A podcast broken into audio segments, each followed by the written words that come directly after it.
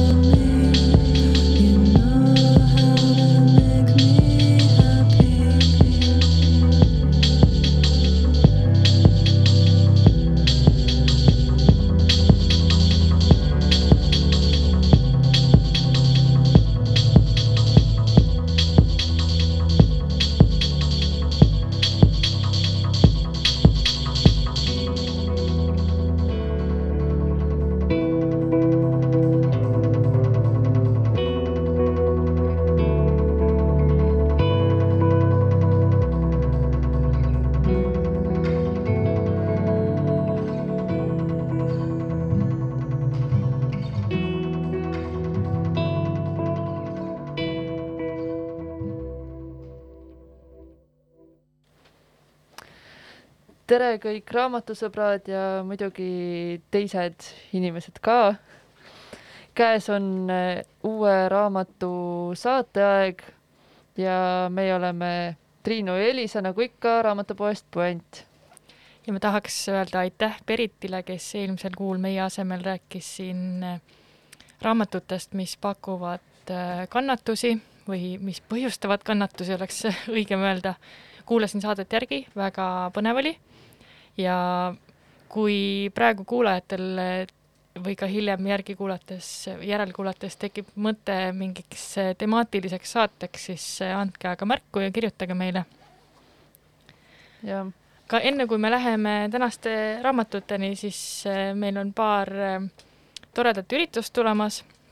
esimene neist juba sellel reedel, mis on äh, Tauno Vahteri raamatu Pikaajaline kokkusaamine esitlus ja väidetavalt peaks olema siis ähm, äh, tegu erootiliste sugemetega allakäigu romaaniga et kõlab väga huvitavalt. see iseenesest huvitav, et ta on seal kirjas nagu allakäiguromaan, sest et mulle täna öeldi, et ta on ikkagi jutukogumik. et siis see, noh, see yeah. info siis minu jaoks ikkagi päris mööda ei jooksnud, et ta ikkagi ongi liikunud kahte suunda pidi.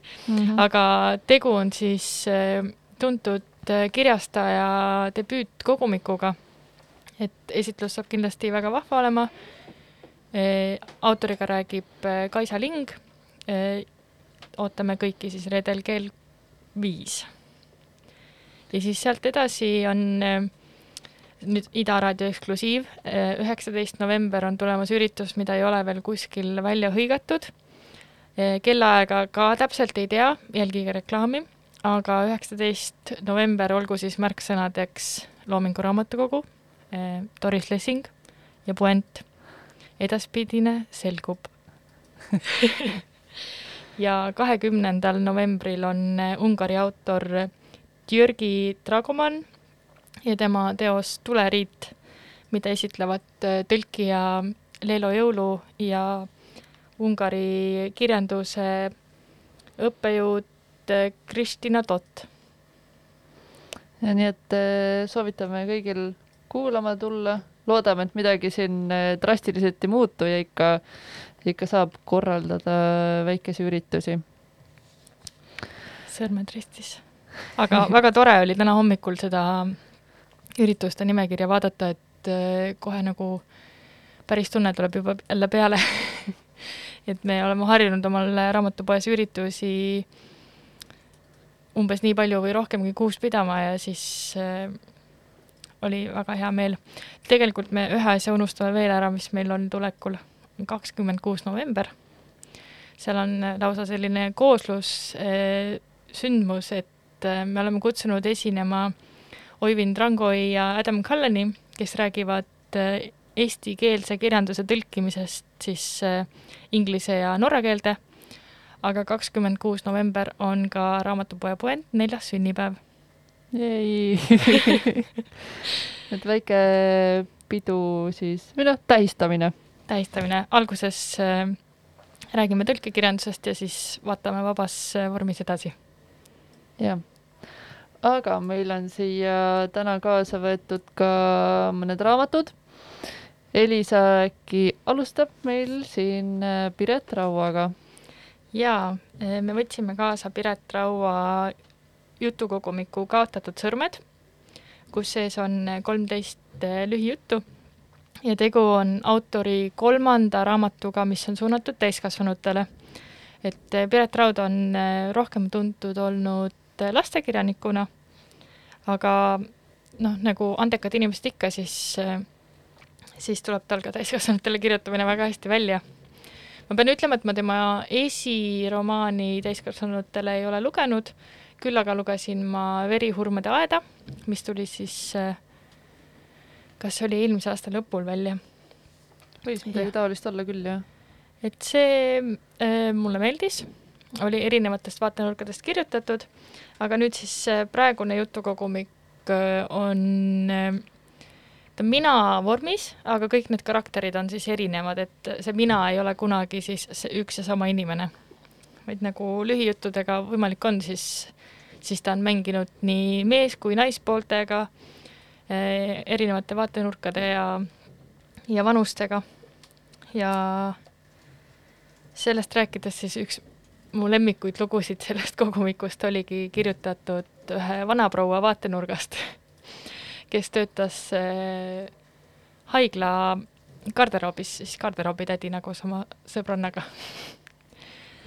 et äh, Pireti lood on sellised äh,, nad on üsna nagu kuidas ma mitte et öelda lihtsasti kirjutatud, aga neid on lihtne ja hea lugeda. aga kindlasti nad ei ole lihtsalt lihtsad vaid eh, neisse on alati peidetud mingisugune sümbol või mingisugune sügavam mõte, et selle garderoobi looga näiteks eh, vanaproua siis mängib mõttega, et et äkki see härra, kes siis nüüd haiglas võimlemas käib, võiks olla tema, tema tulevane kaasa. tema enda kaasa oli juba siis äh, kahjuks manalateed läinud, aga aastate möödudes tunneb ta, et ta on nagu valmis äh, uuesti ennast siduma.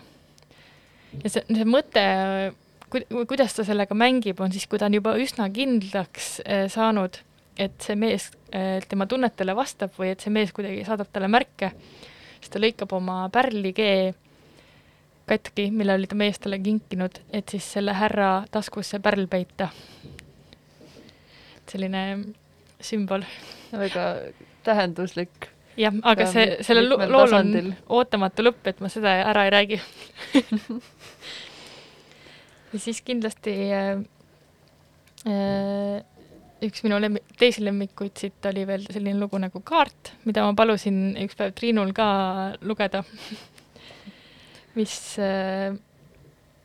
mis räägib äh, kunstnikust, kes peab või kellelt palutakse joonistada oma linnakaart, mis ei ole küll, ta ei ole selles suhtes äh, selline turismikaart või et, et seal peal oleks siis Raekoja plats ja vaateplatvormid ja nii edasi, mis ei tähenda, et nad seal olla võiksid, aga et tegu oleks siis äh, selle meesterahva enda lemmikkohtadega, aga loo lõpuks ta nagu tõdeb, et ükski hea asi siin maailmas ei ole jääv ja ta ei saa seda kaarti joonistada.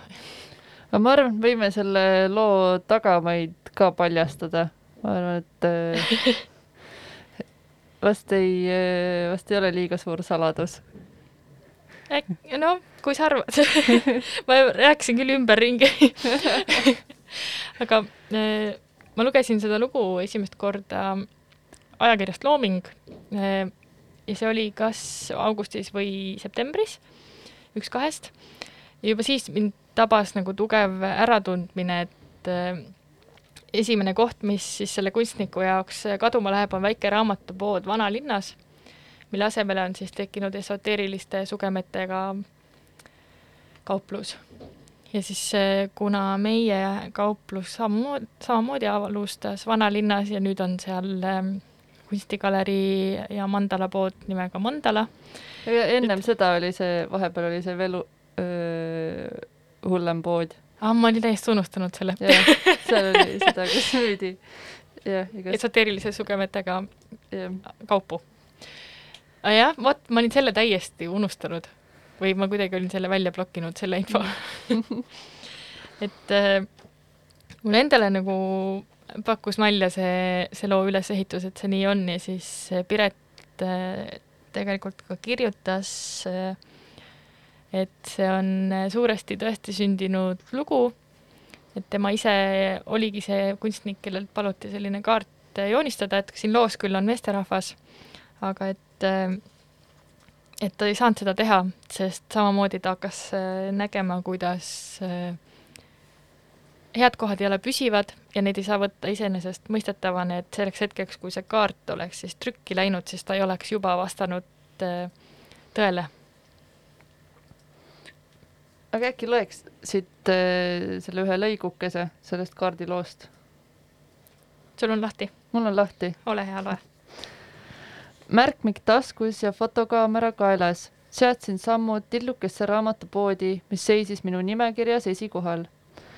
Raamatupoest oli Andrei ju rääkinud ja raamatud äh, oli kindlasti ka minu enda teema.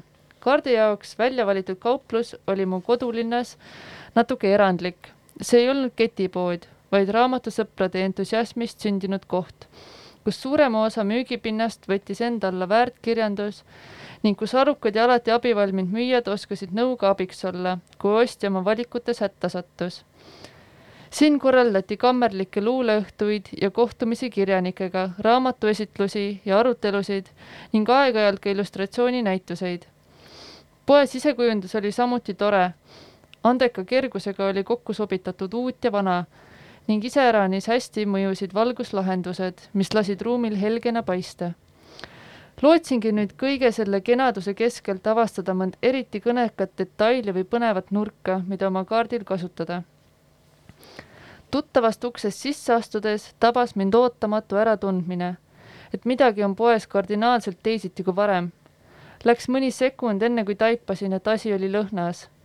müügisaal haises vängelt viiruki järele, mida levitasid kassaletil suitsevad lõhnapulgad.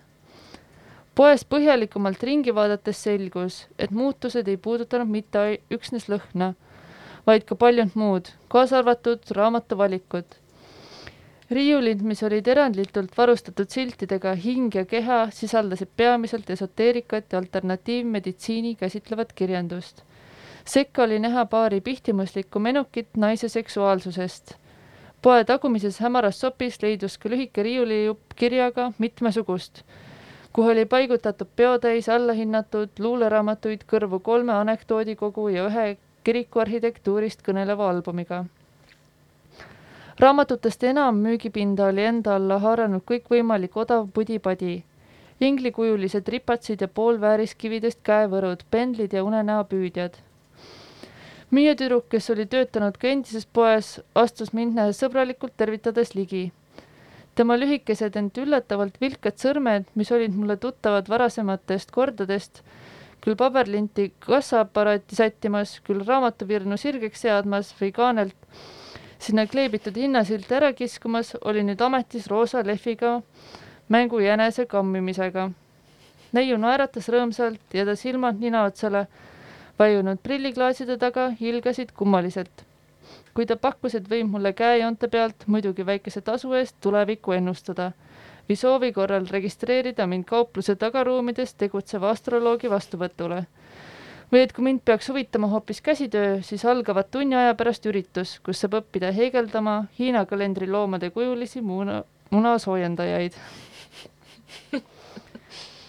ja see läheb edasi veel, aga see oli siis väike lõik sellest äh, meie poe kadumisest tegelikult No. õnneks oli kolimine kõigest. ja Piret ütles ka, et õnneks ta ikka päris ära ei kadunud, aga, aga lihtsalt see, et äh, ma mäletan ka seda hetke, kui me kolisime ikkagi sealt vanalinnast ära, siis äh, oligi tei-, oli ka teisi inimesi, kes olid väga õnnetud, et, et me just sealt vanalinnast ära läksime, sest et äh, vanalinn on tihti see, noh, enamus kauplused, mis seal pesitsevad, ongi suunatud turistidele ja mitte kohalikule inimesele, et see oli selline märgiline kergelt. mul tuli praegu üks äh, veider lugu meelde, mida ma ei ole sinuga võib-olla kunagi jaganud et kuna puent, kui ta tegutses siis Pärnu maantee neli majas, on, see on selline kergelt tänavakorrusest allpool paiknev ruum, mitte päris kelder, aga ta on ikkagi tänavapinnast allpool kergelt. nii et seal nagu mingite ilmade ja mingi rõhumuutustega tekkis seda keldri lõhna ikkagi või sellist mingit huvitavat äh, auru siis ükskord, kui oli selline juhtum, siis ma panin äh, viiruki põlema just sel hetkel astus sisse mu sõbranna oma emaga, kes oli lihtsalt siuke ma ei saa siin kauem olla et just nagu äh, ülitundlik inimene astus sel hetkel Mm. sisse. ma muidugi kustutasin selle viiruki kohe ära, et ma ei plaaninudki seda pikalt hoida, aga et äh, viiruki lõhn vahepeal ikka läbi käis. Jaa. enne kui järgmise raamatu juurde läheme, siis laseme teile ühe loo. It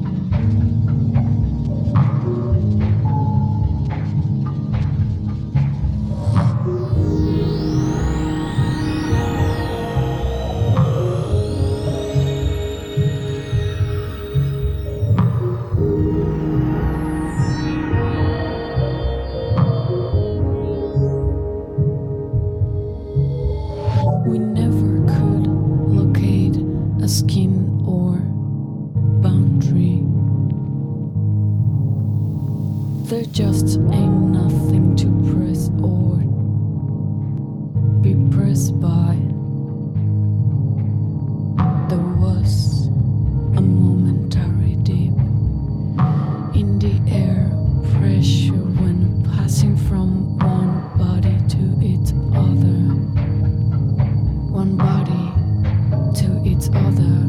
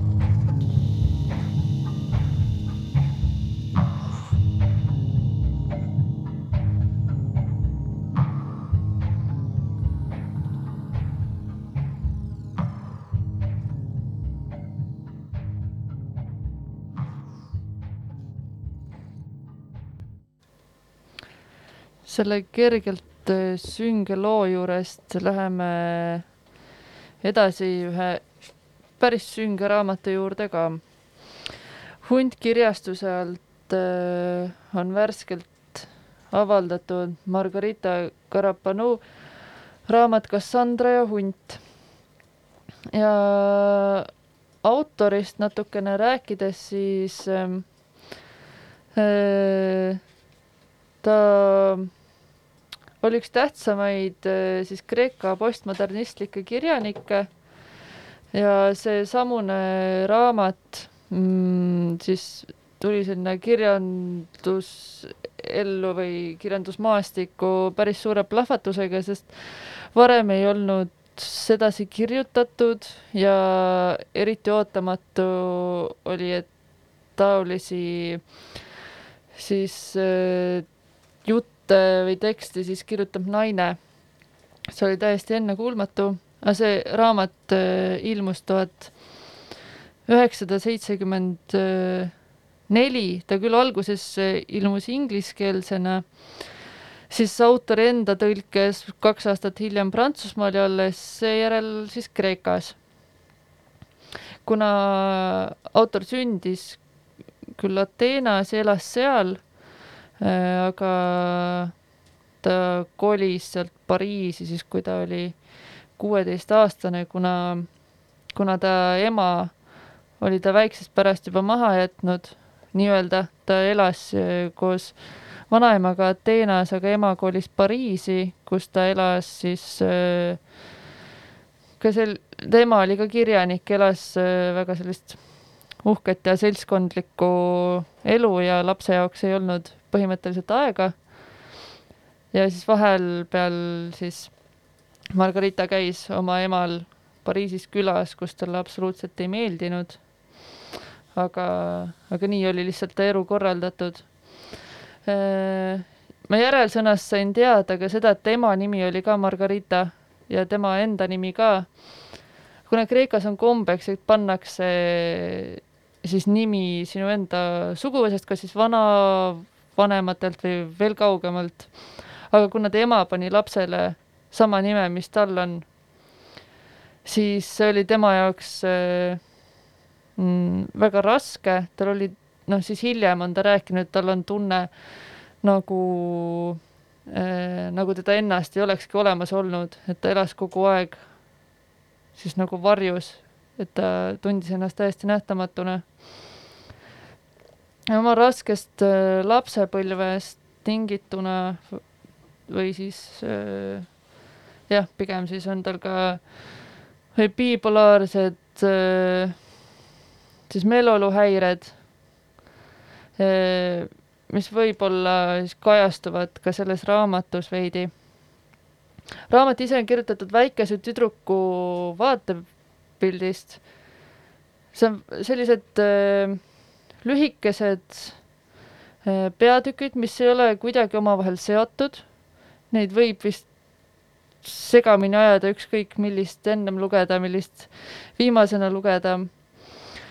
see on päris räiged on osad, mõned on kergelt võib-olla naljakad, aga pigem on ikka nii, et iga peatüki või noh, üle ühe on selline peatükk, kus sa tõmbad hinge ja mõtled, et mis asi see nüüd oli.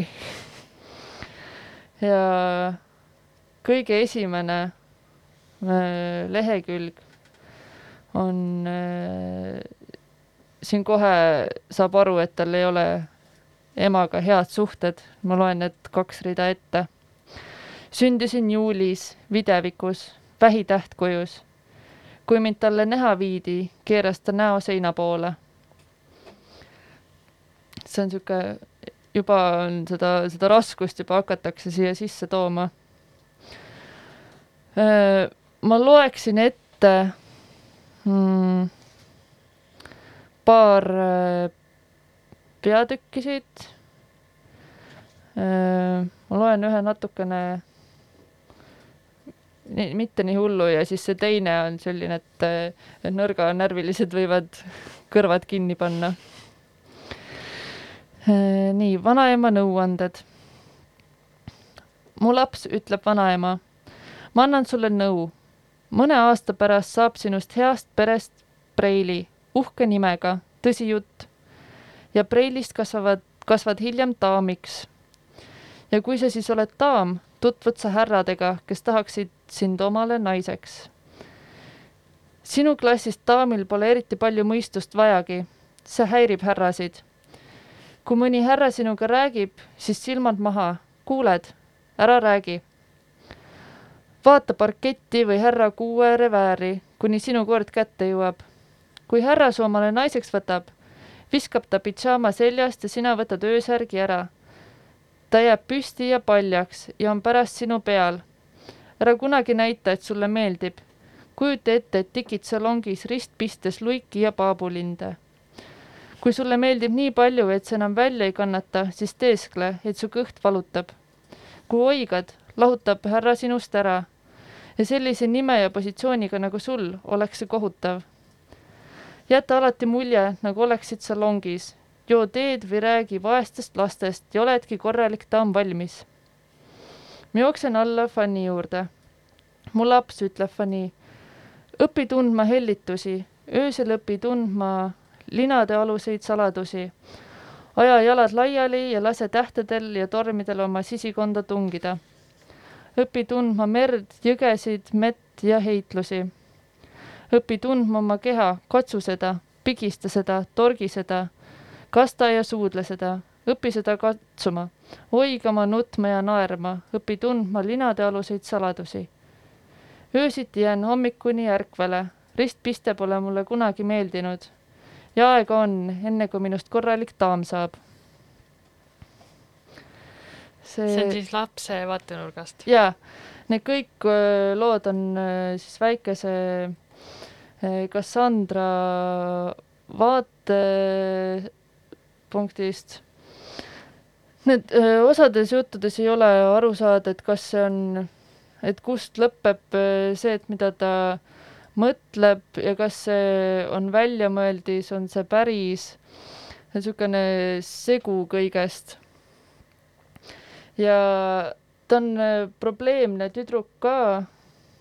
ta on natukene oma arengus vist tundub, et maha jäänud, ta ei oska väga hästi rääkida. Ja siis tekibki vahepeal need öö, kohad, et kas ei, ei saa aru, kas ta ütleb seda välja või, või on see tema mõtetes mm. -hmm. no kui, kui niimoodi järjest lugeda, siis noh, kin-, noh, kui ma võib-olla tähelepanelikum oleksin, siis saaks aru aga ja siin on äh,, ma loen nüüd selle.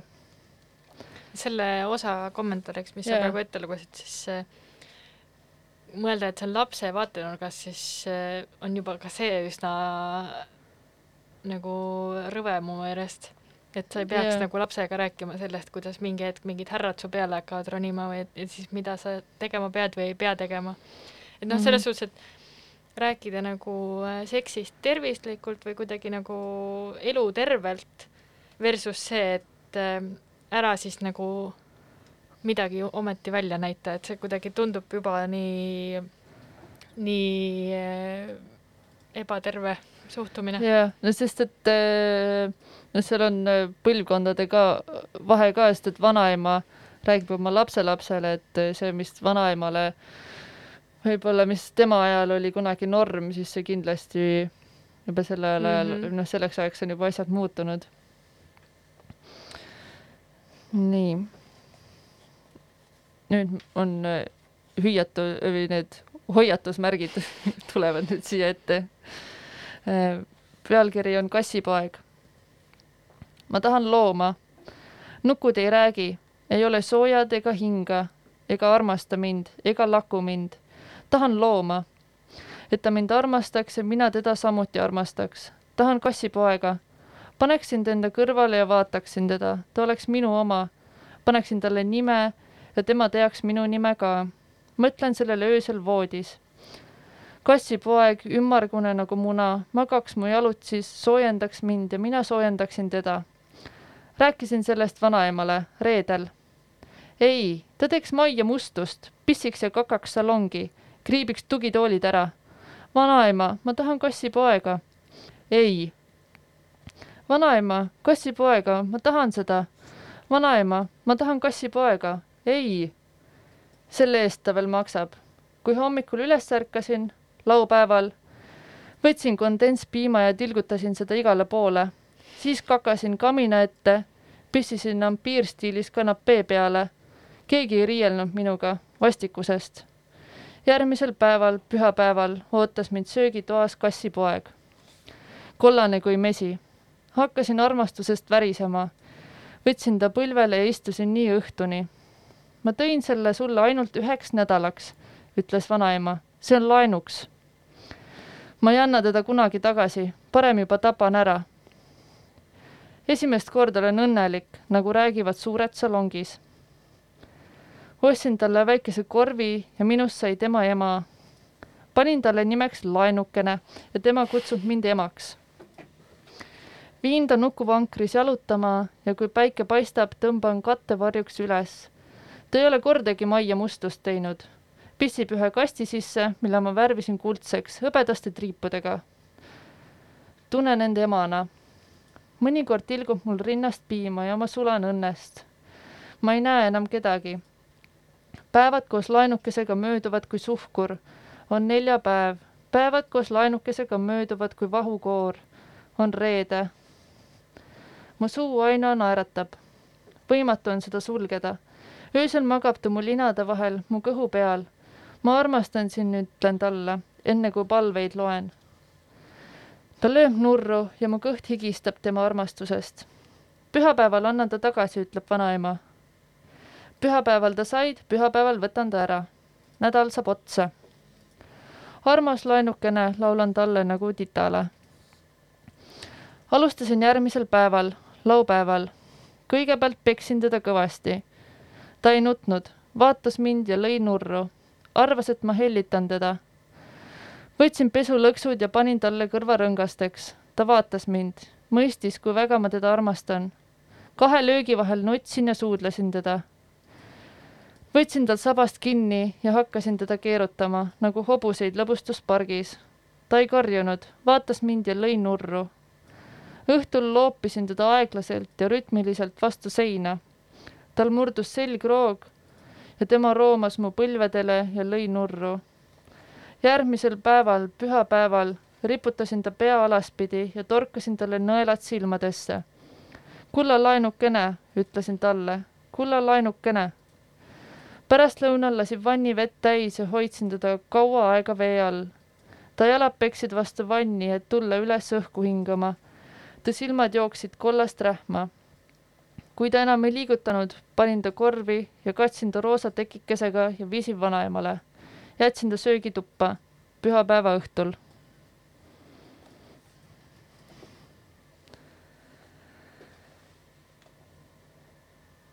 väikese lapse kuri kättemaks. kuidagi see ei olnud noh, võib-olla kättemaks vanaemale, aga üldiselt oli see kuidagi mingi valu väljaelamine vist. Et see ähvardus ei olnud niisama öeldud alguses, ja, aga väga karm. ja just, et äh, kui sa ei ole selleks üldse valmis, nii nagu mina, kui ma seda raamatut hakkasin lugema, siis äh, ma ei teadnud autorist midagi, ma ei teadnud sellest raamatust mitte midagi. ma lihtsalt täiesti puhta lehena alustasin, siis mul oli kogu aeg siukene, mis nüüd jälle iga selle peatükiga või iga ja mingi leheküljega tuli mingi Mhm. õudus ja siis, kui sul tulevad need järjest ja järjest ja järjest, siis sa lõpuks oledki selline nagu mingi luupainajalik, ma ei tea, unenägu või Mhm. ma ei teagi, kas jah, selline karm. mul tuli ausalt öeldes siin neid kahte teksti kuulates ja sind kuulates eh, kaks eh, teost meelde. Esimene neist on ka sama kirjastuse, Hunt kirjastuse välja antud, mis on siis Ema piim Noora Ikstena. et samamoodi sellisest eh, ema ja lapse keerulisest eh, vahekorrast ja vanaema on ka seal. ta noh, selles suhtes ta sisuliselt on ikkagi nagu teistmoodi, et seal on see ema on samamoodi teeb muidugi karjääri ja tal ei ole lapse jaoks aega, aga mingi hetk ta nagu täiesti süüdimatult otsustab, et hakkab seda last ikkagi kasvatama. Versus siis see vanaema, kes muidu hoolitses ja hoidis. aga kuidagi see, mingi osa sellest loost nagu pani mind sellele raamatule mõtlema ja, ja kirjastus on ka sama ja, ja hetkel on selle kirjastuse otsas ka ema ja tütar, kes minu teada küll saavad väga hästi läbi. aga teine raamat on ähm, Mishima Yukio The Sailor Who Fell From Grace with the Sea. et ma praegu jään selle jaapanikeelse originaalpealkirja võlgu küll, eesti keeles seda ilmunud ei ole. aga seal on äh, selline paralleellugu, et mis on räägitud ühe meremehe seisukohast ja siis ühe noore poisi seisukohast, kes on poiste gängis, kes valmistuvad siis äh, täiskasvanutele kätte maksma. Aga seal selle gängi eesotsas on üks nagu eriti katkine poiss, kelle vanemad siis ei hooli temast, kes seda, noh, ta veab seda gängi ja siis ta veab ka seda mingit äh, harjutamist, mida nad siis teevad kasside peal et kuidas siis täiskasvanuid tappa ja siis ta räägib seda mm. lugu siis läbi nende kastide. noh, selles suhtes suhteliselt sama rõve. jaa.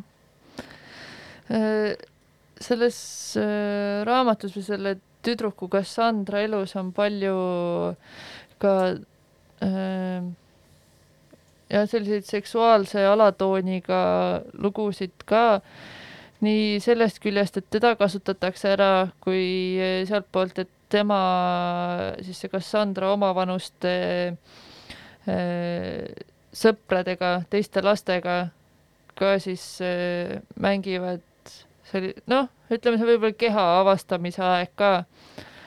aga, aga need, kus suured mehed siis seda Cassandrat ära kasutavad, et need on ka eriti rasked lugeda.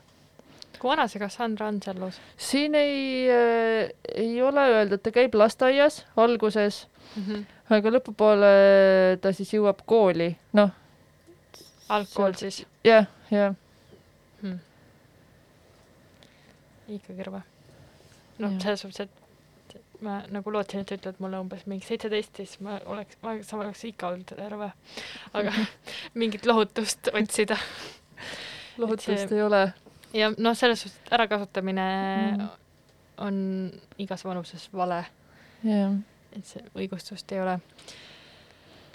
loopaus, teeme See- pausi. päris intensiivne raamat tundub olevat, ma ei ole ise veel lugenud, aga ausalt öeldes sind kuulates mul tekkis huvi küll. ma ei tea, kas novembrikuus ma tahan, aga mõtlesingi no., et äh, ma lugesin ka äh, sihuke pimedas üksi mm. -hmm. seda, et siis see mõjub kuidagi raskemalt, kui äh, mul praegu tundub, et siin niimoodi ette lugedes see kuidagi ei olnudki nii hirmus, võib-olla seepärast, et see oli mul juba teine kord seda lugeda ja mm. -hmm. väljas on natuke valgem. aga siiski nii, laseme muusikat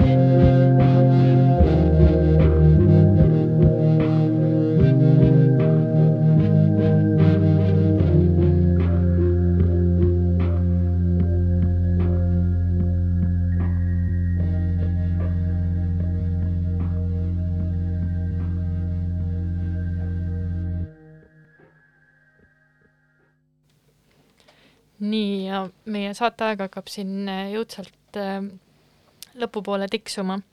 aga meil on kaasas veel äh, Virginie Desplanti äh, Vernon Subuteksi triloogia teine osa. esimesest osast sai ka siin räägitud umbes aasta tagasi, kui Maria Esko ise mõned sõnad ütles. siis Maria Esko tõlgitud on ka teine osa ja väga äge lugemine, äge siis selle väga mitmekesises äh, võtmes. Et äh, ma teen kiire sissejuhatuse, et mis see esimene osa endast kujutas üldse. et Vernon Subuteks on siis äh, Pariisi endine plaadipoe omanik, tema plaadipoe nimi oli Revolver. Ja asjade siis kulg nägi ette, et ta pidi oma plaadipoe sulgema, peale mida ta ei läinud uuesti tööle, vaid müüs maha oma isikliku plaadikogu, lõpuks kõik asjad, mis tal kodus olid, kuni ta ikkagi oli sunnitud siis oma kodust äh, lahkuma ja hakkas äh, nädala ja paaride päevade kaupa oma sõprade juures elama.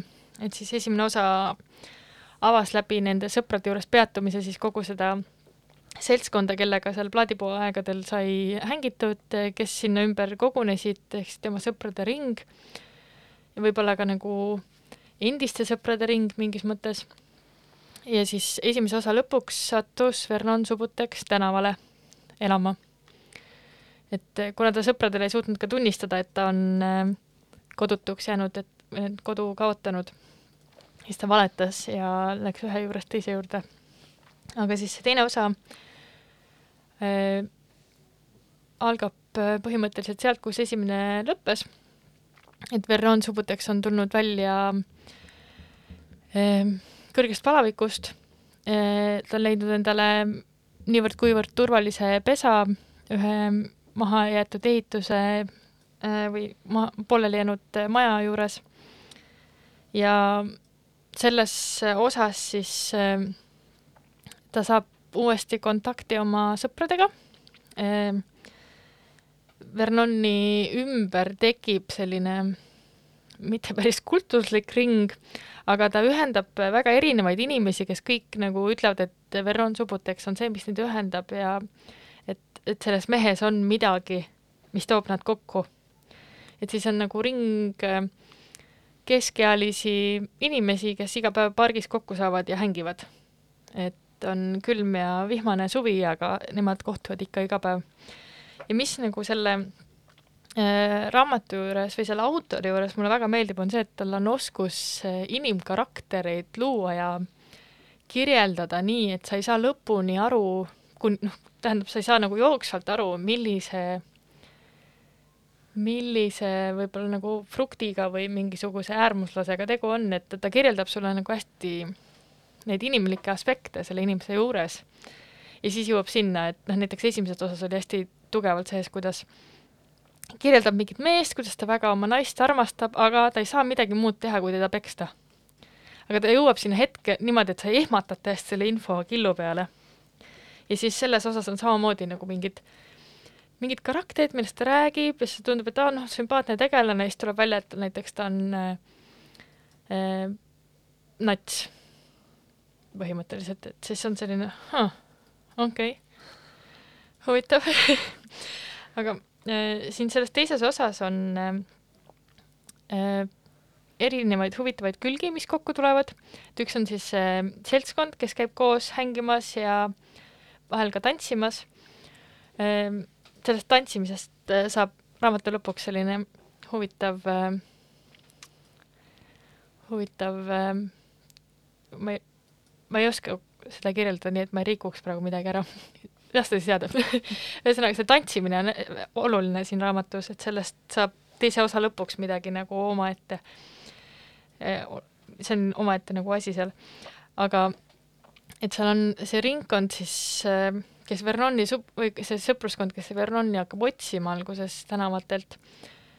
Neil nagu kaks eesmärki on leida Vernon Subuteks ja siis äh, Subuteks jättis esimeses osas siis ühe äh, videokassetid ühe sõbra juurde ja need varastatakse vahepeal ära, et siis nad otsivad ka neid videokassette taga, mis on siis Alex Bleach'i äh, muusiku justkui nagu selline viimane intervjuu iseendaga, mis ta filmis Subutexi juures äh, pilves olles.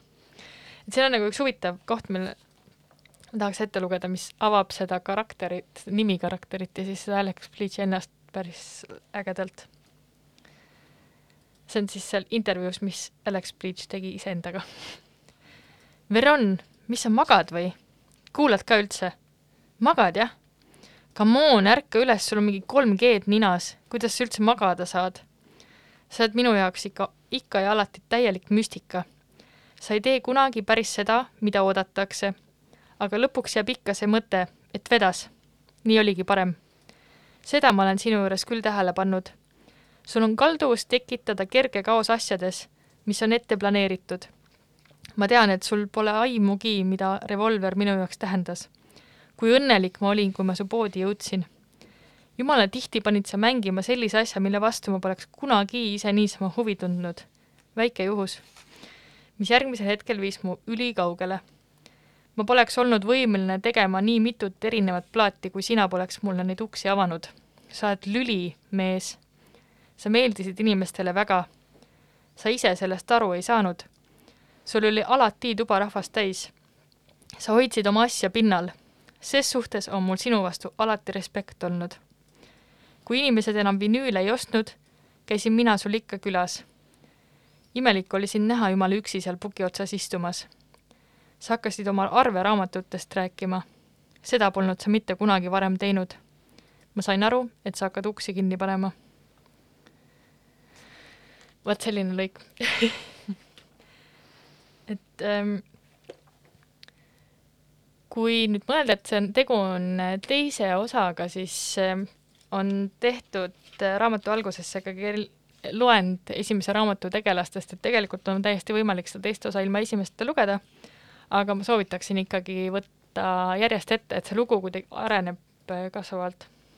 ja mõlema osa lõpuks on, on suhteliselt üllatav, et esimene osa lõppes siis selle Vernoni palavikuga ja teine lõpeb niisuguse äh, mm, salapeoga, kus kõik on justkui mingis veidras vaibis et noh, mõlemal on selline mingi kerge mingi esote-, mitte päris esoteeriline lõpp, aga see palaviku kirjeldus oli ka päris huvitav tripp selles esimeses osas. et nad mõlemad lõpevad mingisuguse nagu ütleme, inimeste trippimisega. ja, siis äh, ja ma olen ka esimest osa lugenud, teist veel ei ole jõudnud, aga kindlasti tahan, sest mulle esimene äh, väga meeldis. ja see kirjutamisstiil on äh, jah, sihuke värskendav ka kuidagi. et äh, soovitame. soovitame aga siis äh, lõpulugu ja näeme või noh, kuuleme ja räägime kuuleme kuu pärast ja siis ootame teid erinevatele sündmustele, mis tulekul. tšau. tšau.